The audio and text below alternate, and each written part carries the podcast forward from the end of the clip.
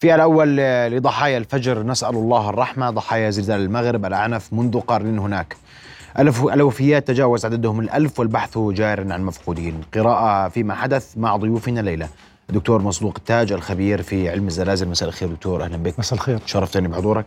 حياك الله. أرحب أيضا بالأستاذ دكتور نجيب أبو كركي أستاذ علم الزلازل في الجامعة الأردنية. دكتور نجيب مساء الخير أهلا بك في نبض بلد. أهلا بكم مساء النور. أيضا أرحب بالصحفي من المغرب مباشرة السيد إسماعيل أحمد. أستاذ إسماعيل مساء الخير واهلا بك في نبض البلد. مساء الخير واهلا بكم أهلا بكل أشقائنا في الشعب الأردني وأشقائنا العرب. رؤيا بودكاست. أبدأ معك أستاذ إسماعيل. عظم الله أجركم ورحم الله الوفيات في هذا الزلزال وآخر التطورات لديك أستاذ إسماعيل؟ نسأل الله لهم الرحمة والمغفرة للمتوفين ونسأل الله أن آه، الشفاء للجرحى والصبر والسلوان لعائلتهم. آه، آخر حصيلة آه، حسب بلاغ لوزارة الداخلية منذ لحظات ارتفع عدد الوفيات إلى 1037 وفاة و1204 عدد الإصابات. منها 721 إصابة إصابتهم في آه، حالة خطيرة. هذه هي اخر المستجدات أشير أيضا أنه كان هذا في الجانب الرياضي كان من المقرر اليوم اليوم أن تكون هناك مباراة لكرة القدم تجمع المنتخب المغربي الأول مع نظيره الليبيري برسم الجولة الأخيرة من التصفيات المؤهلة لنهائية كأس إفريقيا للأمم. آه، الجامعة الملكية المغربيه لكره القدم أي آه، وباتفاق مع الاتحاد الإفريقي لكرة القدم توصلوا إلى الاتفاق لتأجيل هذه المباراة. نعم. أستاذ إسماعيل آه، دعني أسأل عن المناطق المحاصرة في المغرب. آه، المناطق المحاصرة آه، المتضررة أكثر نقول المتضررة أكثر هي مركز الزلزال وإقليم الحوز المتواجد في جبال في سلسلة جبال الأطلس الكبير غير بعيد عن مدينة مراكش وسط المغرب وهي المدينة المشهورة. آه اذا هذه كانت يعني وسط يعني مركز الهزة الزلزالية هزة آه الهزة التي بلغ آه قياسها سبع درجات آه وحس بها السكان في مختلف محافظات آه المغرب. آه، بالنسبة للمناطق المتضررة قلت هي المناطق المتواجدة في آه، جبال الأطلس الكبير وهي مناطق ريفية قروية أغلب البنايات فيها من آه، يعني بنايات طينية. من تراب وأهلها أغلبهم يمتهنون النشاط الفلاحي سواء الزراعة أو رعي المواشي ومما يصعب أيضا جهود الإنقاذ هي آه، المسالك الطرقية الصعبة والضيقة وكذلك طبيعة التضاريس الجبلية. نعم، هل هناك مناطق لا تزال لم تصلها المساعدات حتى اللحظة؟ آه، بين الفينة وبين الفينة والأخرى نسمع نداءات عبر وسائل التواصل الاجتماعي من مجموعة من المناطق. آه، قلت بجبال الأطلس الكبير في إقليم الحوز. آه، أي أيضا المناطق المنتمية إلى إقليم ورزازات مثل تيديلي تلوات آه، آه، منطقة إيمينولاون هناك طرق بعض الطرق مقطوعة بفضل بسبب تساقط الأحجار والصخور وتعمل يعني السلطات وتبذل مجهودات من أجل الوصول إلى هذه آه، المناطق.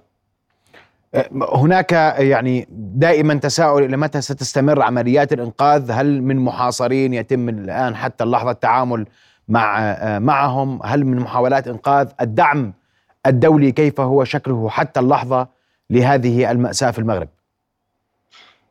جهود الإنقاذ كما قلت متواصلة وهناك آه، تعليمات من أعلى سلطه في البلاد الملك جلالة الملك محمد السادس أعطى تعليماته للقوات المسلحة الملكية وكذلك جميع القطاعات الحكومية مجندة من أجل الوصول إلى إلى الضحايا وإغاثتهم. عملية الإغاثة كما قلت متواصلة لكن صعوبة هذه المسالك بين الفينة والأخرى تظهر لنا أن بعض المناطق مثلا لبعض الصعوبات إما الطرق أنها مقطوعة أو غياب. هناك بعض المناطق لا توجد فيها آه، حتى شبكة الاتصالات الهاتفية مما يجعل عملية الإنقاذ تستغرق وقتا طويلا. آه، هذا الصباح مع منذ الصباح آه، سمعنا عن يعني بعض الدول تسعى لإرسال فرق الإنقاذ أو مساعدات وتقديم التعازي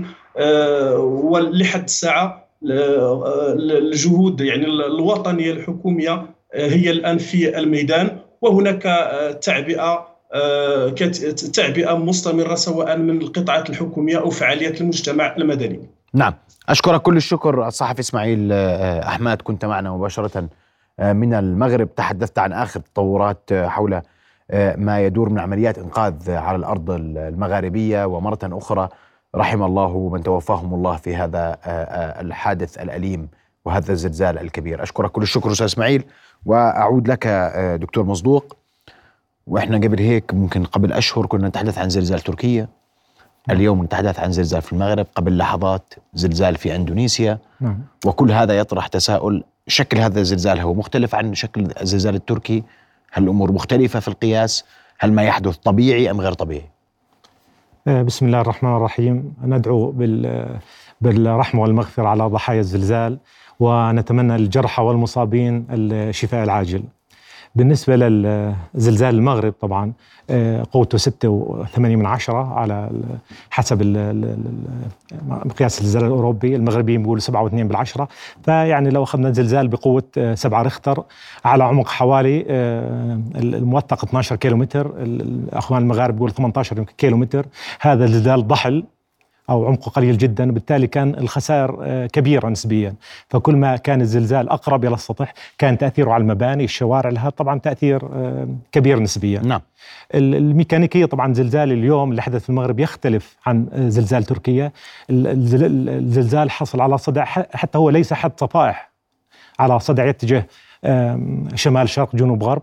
بعيد عن حدود الصفاح إلى الجنوب حوالي 600 آه، كيلومتر. طبعا التحليل تاعه عبارة عن آه، صدع بسموه صدع عكسي. عكسي معناها إنه في كومبريشن في قوة ضغط كان. اللي حصل في تركيا كان حركة جانبية صفاح كانت تتحرك جانبيا. ما حدث اليوم في إندونيسيا عبارة عن بسموه نطاق غوص صفيحة المحيط الهادي بتغوص تحت صفيحة أخرى. فالثلاث زلازل من حيث الميكانيزم من حيث الميكانيكية مختلفات تماما. وكل واحد حسب مكانه له قوة مختلفة. في العادة اللي زلازل المحيط الهادي الاندونيسي هذا زلازل كبير نسبيا 8 9 ريختر هذا شيء عادي. آه، زلزال اليوم برضه بتميز إنه يعني سبعه زلزال قوي يعتبر. لكن هو الأعنف منذ قرن. نعم صحيح. بال بال في المغرب. نعم صحيح. في يعني في التاريخ المشهود في زلزال الستين آه، زلزال 69 زلزال 2004 ولكن هذا كان الأكبر. وخلف ضحايا لحد الآن العدد غير معروف إلى هذه اللحظة. ما زال هناك في آه، انتشال الضحايا. والحمد لله كمان اجى في منطقة جبلية غير مأهولة. لو اجى في منطقة مأهولة مثلا مراكش أغادير لكانت الضحايا أكثر من هيك بكثير. منطقة جبلية ليست ذات آه، منطقة عمرانية بشكل آه، كبير نسبيا. طيب أسمع وجهة نظرك دكتور نجيب في موضوع زلزال المغرب والتساؤل أن هذه الزلازل تحدث اليوم تطرح تساؤلات كثيرة مختلفة. أندونيسيا تشهد زلزالا. المغرب يسجل زلزال هو الأعنف منذ قرن. تركيا تسجل آه، آه، هزات أرضية. آه، هذا كله ما دلالته أم أنه أمر طبيعي لا لا يثير لا القلق ولا ولا التساؤلات حتى. في الواقع هو أمر طبيعي جدا. بالنسبة لإندونيسيا هذا خبزهم اليومي يعني كل أسبوع بصير عندهم زلزال من هذا النوع لأنها محاذية للمحيط الهادي. وزلزاليتها يعني نوع آخر يختلف تماما عن ما يحصل في المناطق الأخرى المناطق العربية بشكل أساسي. بالنسبة لتركيا زلازلها هي برضو ضمن السياق الطبيعي. يعني هزات ارتدادية بسيطة أو حتى الزلزالية العادية. بالنسبة للمغرب قيل أن هذا يعني آه، أكبر زلزال منذ قرن.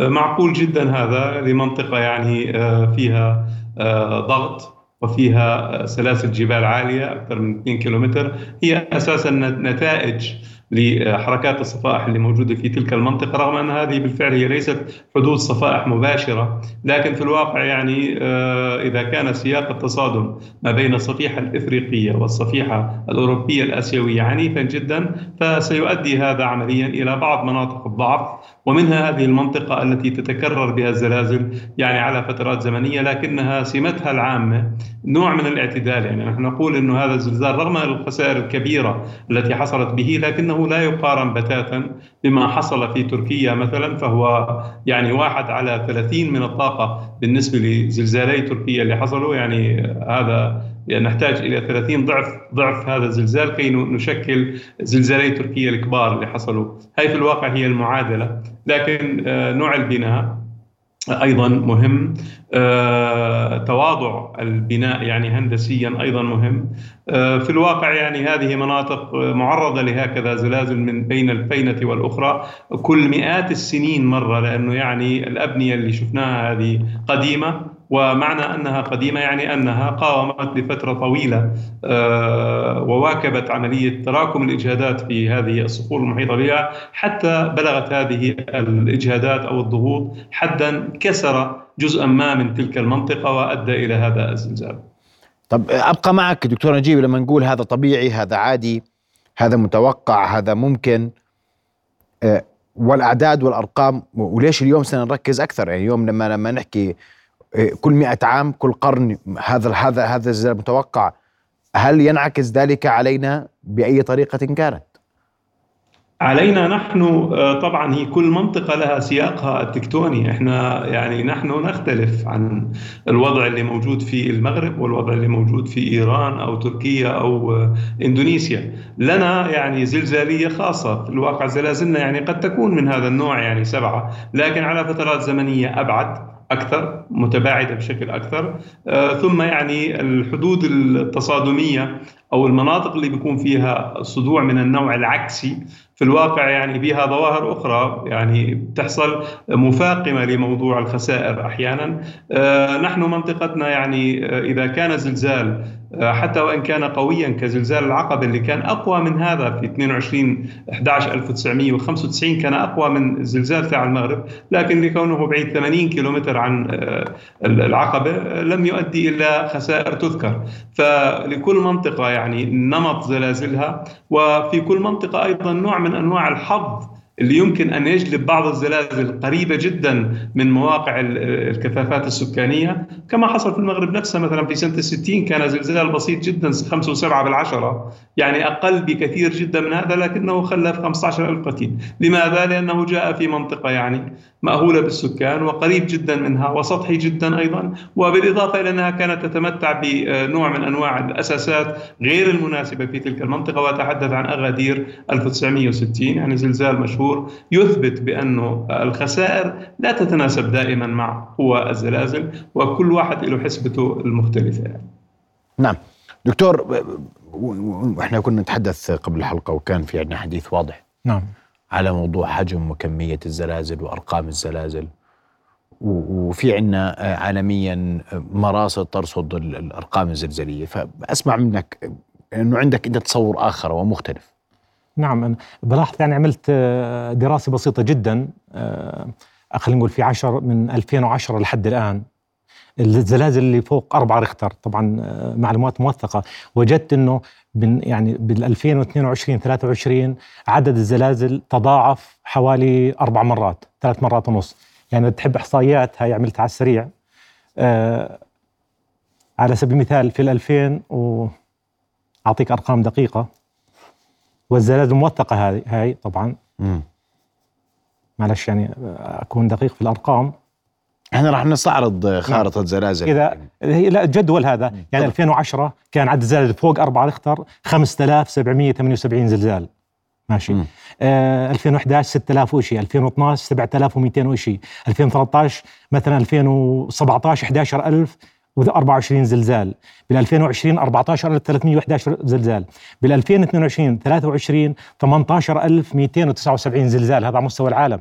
لسه ب 10 سنوات ولسه يعني ما قلناش هذا مرصود 100% ومعلومات موثقة 100% فبذن يعني خلال 13 آه، سنة الزلازل من 5000 زلزال إلى حوالي 18000 زلزال. هذا أعتقد إنه على مستوى الكرة الأرضية هذا في كل كل الكرة الأرضية. أعتقد إنه يعني بحاجة نظر وعلماء الزلازل أن يتمحصوا في ذلك. إيش السبب؟ خلال عشر سنوات الزلازل في العالم تضاعفت تقريبا حوالي أربع مرات. م. برأيك هذا أمر ال mechanism هي هي ال faults الصدوع اللي هي نفس الأعداد. فلماذا تضاعفت أربع زلازل؟ فهذا معناه إنه يعني بده شيء. أنا في عندي خلينا نقول بعض التفسيرات وهذا يترابط مع أحد الأبحاث اللي قرأناها طبعا إنه هناك اللب الداخلي للارض وقف عن الدوران وصار يدور بالعكس. هذا خلال عشر سنوات. يمكن هذا تضاعف اللب الداخلي إعادة توزيع الحرارة داخل الأرض. طبعا سبب الزلازل إنه هي ال plate الصفائح اللي بتتحرك واللي بيحرك بيسموها ال convection current أو تيارات الحمل الحرارية هي اللي بتحمل الصفيحة وتخليها يعني يبدو إنه في إعادة توزيع للحرارة داخل الأرض. عماله الصفائح كلها بيعيد توازنها لإعادة توزيع الحرارة داخل الأرض. وهذا اللي عماله زاد عدد الزلازل أرقام موثقه 100% على مستوى العالم كله. أنت تقصد إن نواة الأرض غيرت اتجاه نعم نواة الأرض الداخلية وقفت وبت... الآن بيعكس الدوران تاعها بتلف العكس وهذا تزامن كمان الآن بلاحظ المغناطيسية الأرض طبعا في الشمال موجب والس... الآن عمالها بتقل وستنعكس يوما ما. طبعا آه، آه، جيولوجيا معروف إنه كان في كذا مرة انعكس دو... ال polarity تاعت مغناطيس الأرض. فيبدو إنه هذا كله متزامن مع بعضه. أنا هذا التفسير تاعي الأرقام موجودة المغناطيسيه فعلا عمالها بتقل. يعني خلال 100 سنة آه، قلت حوالي 7% ال intensity شدة المجال المغناطيسي شدة المجال. م. هو بتراوح بين زاد يعني من 30 ألف جاما ل 65 ألف جاما الآن عماله بتقل. وفي تحليلي أنه عماله بتقل وستنعكس القطبية المغناطيسية. حتى البول المغناطيسي عماله قاعد بيتحرك. فهي كلها على مستوى الأرض. يعني طيب. في تغييرات على الأرض كلها قاعدة بتصير. دكتور نجيب أسمع تعقيبك على ذلك. تفضل. نعم يعني أنا أدعو إلى التريث والحذر وأطالب بإثبات هذا الكلام. في الواقع في تفسير أبسط من ذلك أبسط كثير يعني من التعقيدات التي تجلدنا إلى نواة الأرض وغيرت وما غيرت على عمق 6000 كيلومتر لا أحد يعلم عن هذا ولا أحد يستطيع أن يرصده.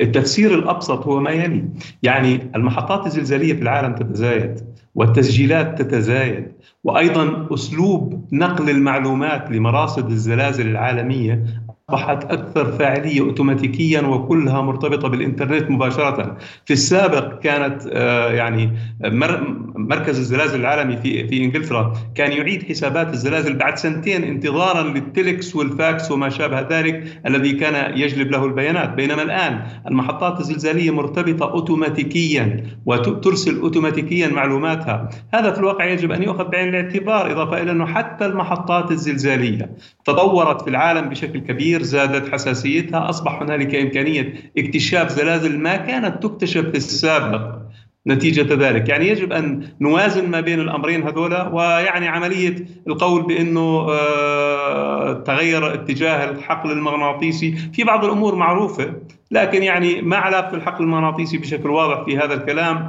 آه، هذا يعني زلزاليا آه، يصعب جدا قبوله بدون إثباتات جاده في هذا المجال وليست يعني تكهنات، طبعا أنا لا أشكك بأفكار زميلي لكن في الواقع يعني أقول بأنه في هنالك تفسيرات أبسط لموضوع تزايد هذه الزلازل لأنه كما ذكرت يعني أصبح إمكانية الحصول على البيانات. كل واحد صار بيقدر يأخذ البيانات من المحطات الزلزاليه اونلاين عمليا في السابق كانت عملية كاداء وجربناها أثناء الدكتوراه لما الواحد بيحتاج لمعلومات. زلزال كانت تاخذ ثلاث أشهر في في في البحر حتى تصلوا المعلومات. الآن أصبحت تاخذ ثلاثة بالمليون. من الثانية بطق يعني بكبسة زر حتى تصلوا هذه المعلومات.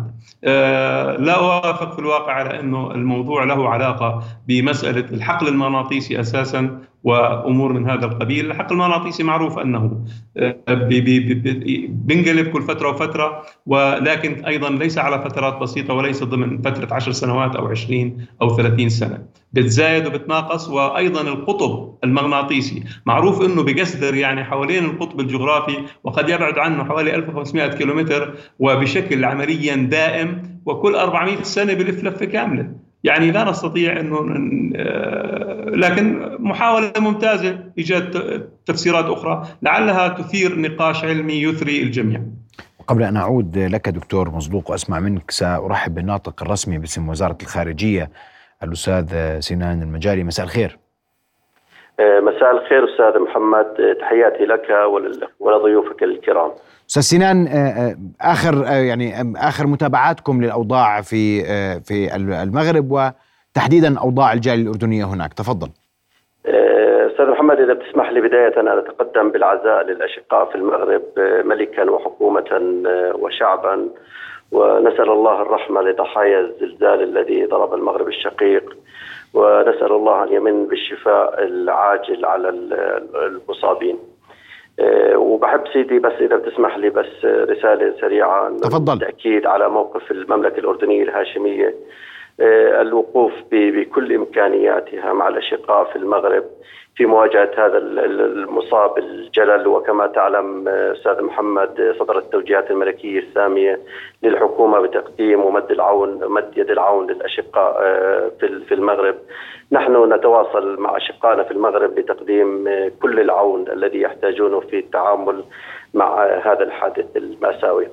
بالعودة سيدي إلى سؤالك إذا إذا سمحت بخصوص أبناء الجالية الأردنيين الموجودين بالمغرب آه، كما تعلم سيدي قمنا بتشكيل آه، خليتي أزمة في في السفارة الأردنية في الرباط وخلية أزمة في مركز العمليات في وزارة الخارجية. آه، قمنا ونقوم بالتواصل مع أبناء الجالية الأردنية الموجودين هناك حسب قاعدة البيانات المتوفرة لدينا. بفضل رب العالمين لحد هذه اللحظة لم نتلقى معلومات تفيد بإصابة أي من المواطنين الأردنيين المتواجدين. الحمد. لله. آه، نقوم بالتواصل من خلال وإرسال وتوجيه الرسائل آه، المتواصلة لأبناء الجالية وحثهم آه، والطلب منهم بعدم التردد بالتواصل مع السفارة الأردنية ومركز العمليات في أو على مدار الساعة لطلب يد لطلب أي نوع من أنواع المساعدة لهم. آه، ندعوهم آه، من خلالك سيدي من خلال هذا البرنامج الطيب لعدم التردد بالتواصل.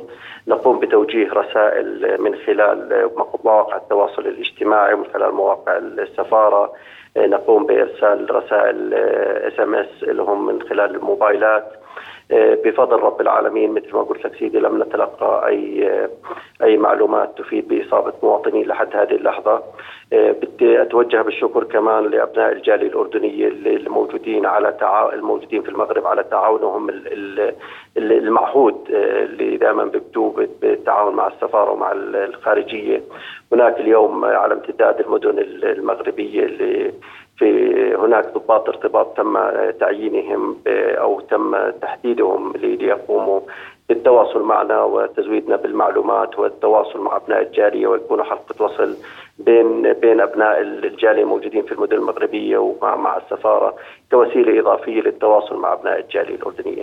ندعو نعم. المواطنين الأردنيين من خلالك سيدي كمان مرة لاتخاذ أقصى درجات الحيطة والحذر والالتزام بالتعليمات الصادرة عن السلطات المغربية. نعم أشكرك جزيل الشكر ناطق رسمي باسم وزارة الخارجية سين المجالي كنت معنا عبر الهاتف. أه، أرحب أيضا بالمتحدث باسم الجالية الأردنية في المغرب الأستاذ مرشد الزعبي. أستاذ مرشد مساء الخير. خير أستاذ محمد. اولا الحمد لله على سلامتكم والله أه، أه، يرحم من توفاهم الله ونأمل لكم السلامة دائما وطمنا على أوضاع الجالية الأردنية في المغرب. أستاذ مرشد تفضل. اللهم آمين. الله يسلمك أستاذ محمد. اولا الحمد لله على سلامة الأردنيين جميعا. من فضل الله سبحانه وتعالى لم نبلغ ولم نسمع من خلال التواصل مع ابناء الجاليه كلهم من خلال السفارة عن أي شيء يسوء والحمد لله. وتعازينا إلى أشقائنا المغاربة. أبناء الجاليه الاردنيه الحمد لله رب العالمين هناك جهد آه، موفق تقوم به سفارة الأردن على مسارين. مسار باتجاه التنسيق مع خليه الأزمة في وزارة الخارجية الأردنية وهذا شأن.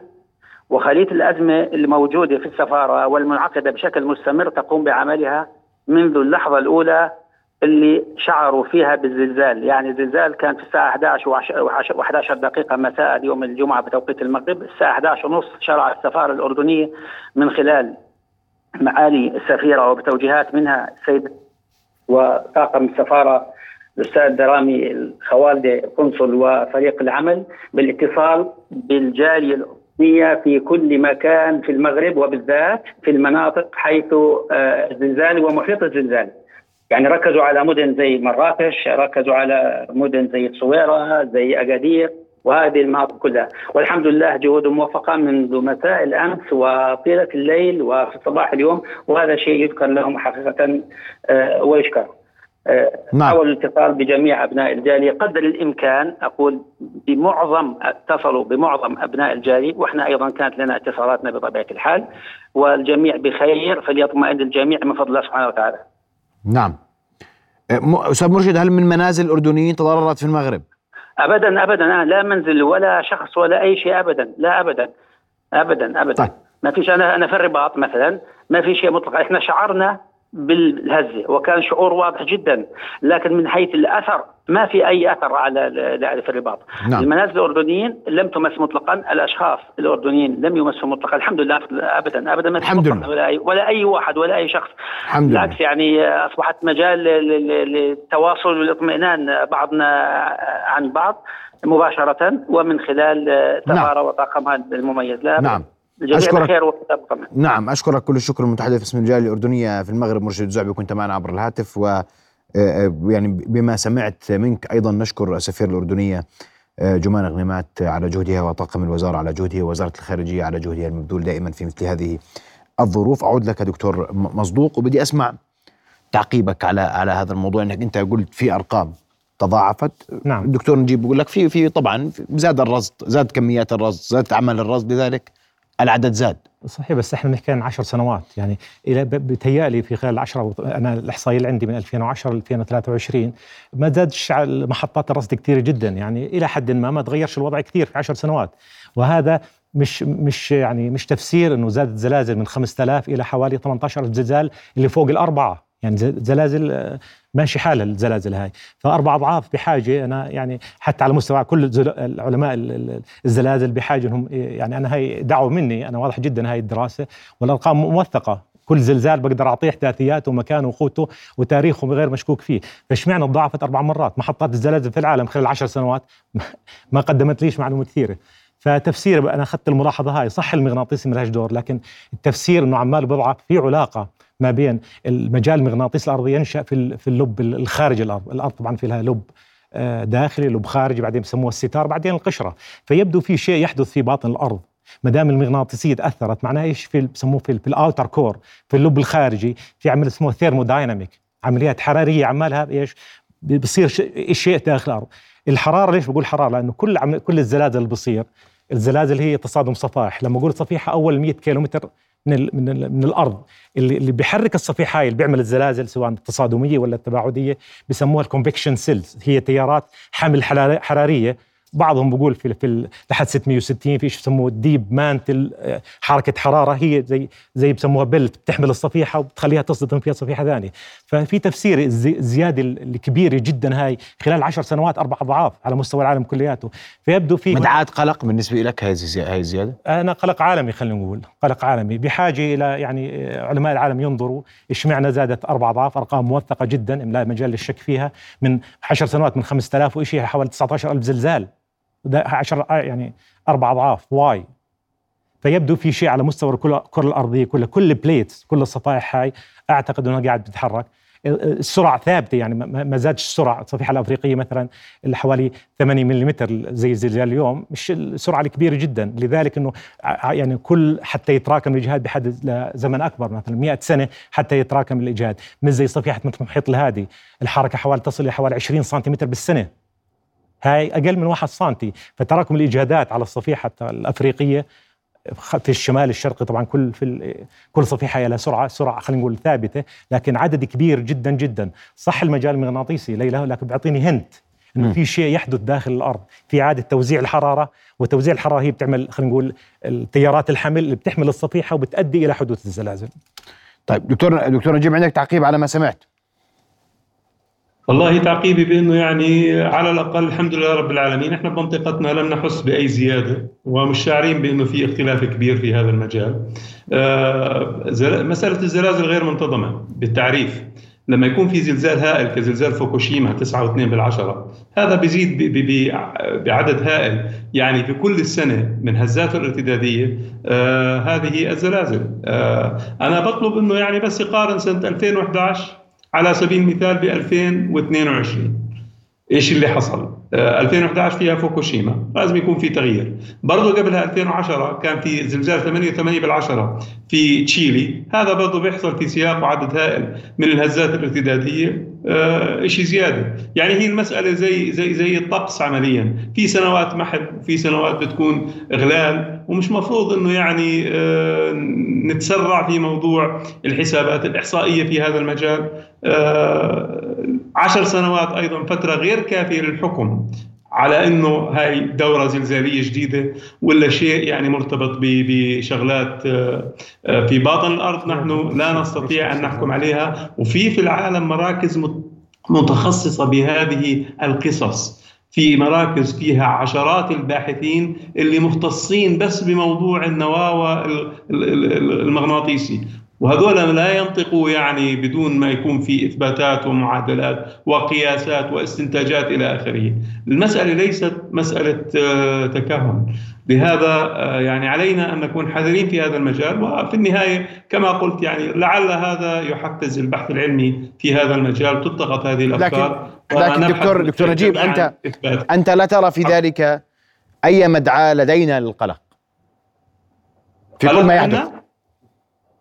يا عزيزي بالنسبة للزلازل جيد أن نكون قلقين من موضوع الزلازل لكن بدنا نعترف بأنه منطقتنا هي منطقة أليفة من هذا المجال في هذا النوع. على الأقل في 98% من أوقاته إذا بيحصل من وقت إلى آخر زلزال واحد مثلا قد يكون مؤثر إذا كان وضعه بالنسبة لأماكن الكثافة السكانية عالي فهو أساسا بالتعريف يعني ما هو الزلزال المؤثر اللي حصل عندنا خلال ال 100 سنة الماضية؟ هو زلزال فلسطين سنة 1927 وكان يعني حده الأعلى 324 قتيل.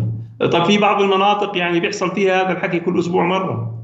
من من طراز ستة وربع وشيء من هذا القبيل نعم. ننظر إلى تايوان ننظر إلى آه اليابان ننظر إلى إندونيسيا هذول ناس يعني ما بيهدوا بالمرة بالنسبة لهم موضوع الزلازل وكأنه الواحد راكب سيارة وماشي على مطباتنا يعني كل شوية انه صاير عندهم زلزال. بينما إحنا عندنا هون يعني هاي تحصل بشكل يعني متباعد جدا. طبعا هذا فيه خطورته لأنه قد يؤدي إلى أحيانا تكاسل لكن والحمد لله أنا بعتقد إنه في الأردن ما في تكاسل من هذا المجال وهي في عندنا تمرين بده يصير خلال الشهر القادم يعني في هذا السياق. هذا يعد له بعرف الدكتور مصدوق بشكل كويس من أشهر وحصل سابقا يعني في سنة 2000 أن أجري تمرين آخر من هذا النوع. يعني في هنالك محاولات استعداد رغم أنه يعني الماتور اللي موجود عندنا أكررها بأنه ماتور متواضع.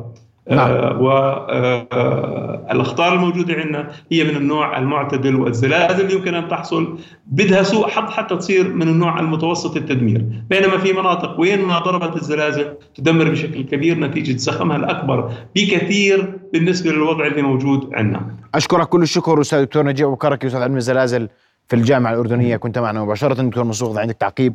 وأنا اليوم بدي أسمع منك نصائح. ماذا علينا نفعل؟ كيف نتعامل مع كل ما يحدث مع كل الأرقام اللي ذكرتها؟ آه الأمور بدها حذر بدها مراقبة. يعني طمأت الناس الناس كلها واعية وعارفة ولكن لابد من اخذ آه، الأمور بحذر والمراقبة. المطلوب الحذر والمراقبة اليوم؟ نعم نعم نعم.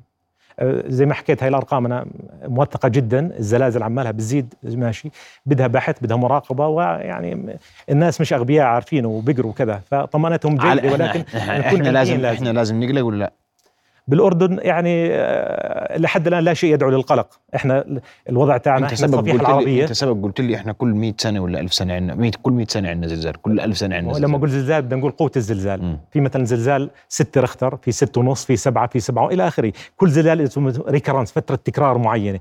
لو زلت مثلا قلت لي زلزال أبو ثلاثة أربعة بقول لك مثلا هذا كل سنتين بحضر زي ما حكى الدكتور نجيب مثلا اللي بخوفنا شوي المستنى فيه زلزال أبو الستة للست ونص. أو تحديدا ست وربع لو بسموه زلزال أريحة. هذا زي ما حكينا حدث سنة 1927 الدراسات اللي عملناها التاريخية بتقول زلزال من طراز 6 إلى 6.5 ريختر بيحدث كل 80 إلى 100 سنة إذا رجعنا للتاريخ درسنا. احسبها معي صار بال 27 معناها الزلزال المتوقع القادم ايمتى؟ زيد 100 سنة، ليش أقول 80 خلي 100 معناها 2027 يعني إحنا 2023 معناها بدناش يعني علمي بدي اتكلم كلام علمي إنه وذن يعني خلال 10 سنوات بالكثير يمكن 90% في زلزال من طراز 6 6 ونص رختر جاي أشكرك كل الشكر دكتور مصدوق التاج خبير الزلازل. كنت معنا اليوم للتعليق على زلزال المغرب وأثره على المنطقة والعالم والزلازل العالمية. اللي دعوت أنت للتفكير على التفكير فيها آه، نعم. بشكل آه، واسع نظرا لزيادة عددها بشكل كبير. أشكرك كل الشكر. رؤيا بودكاست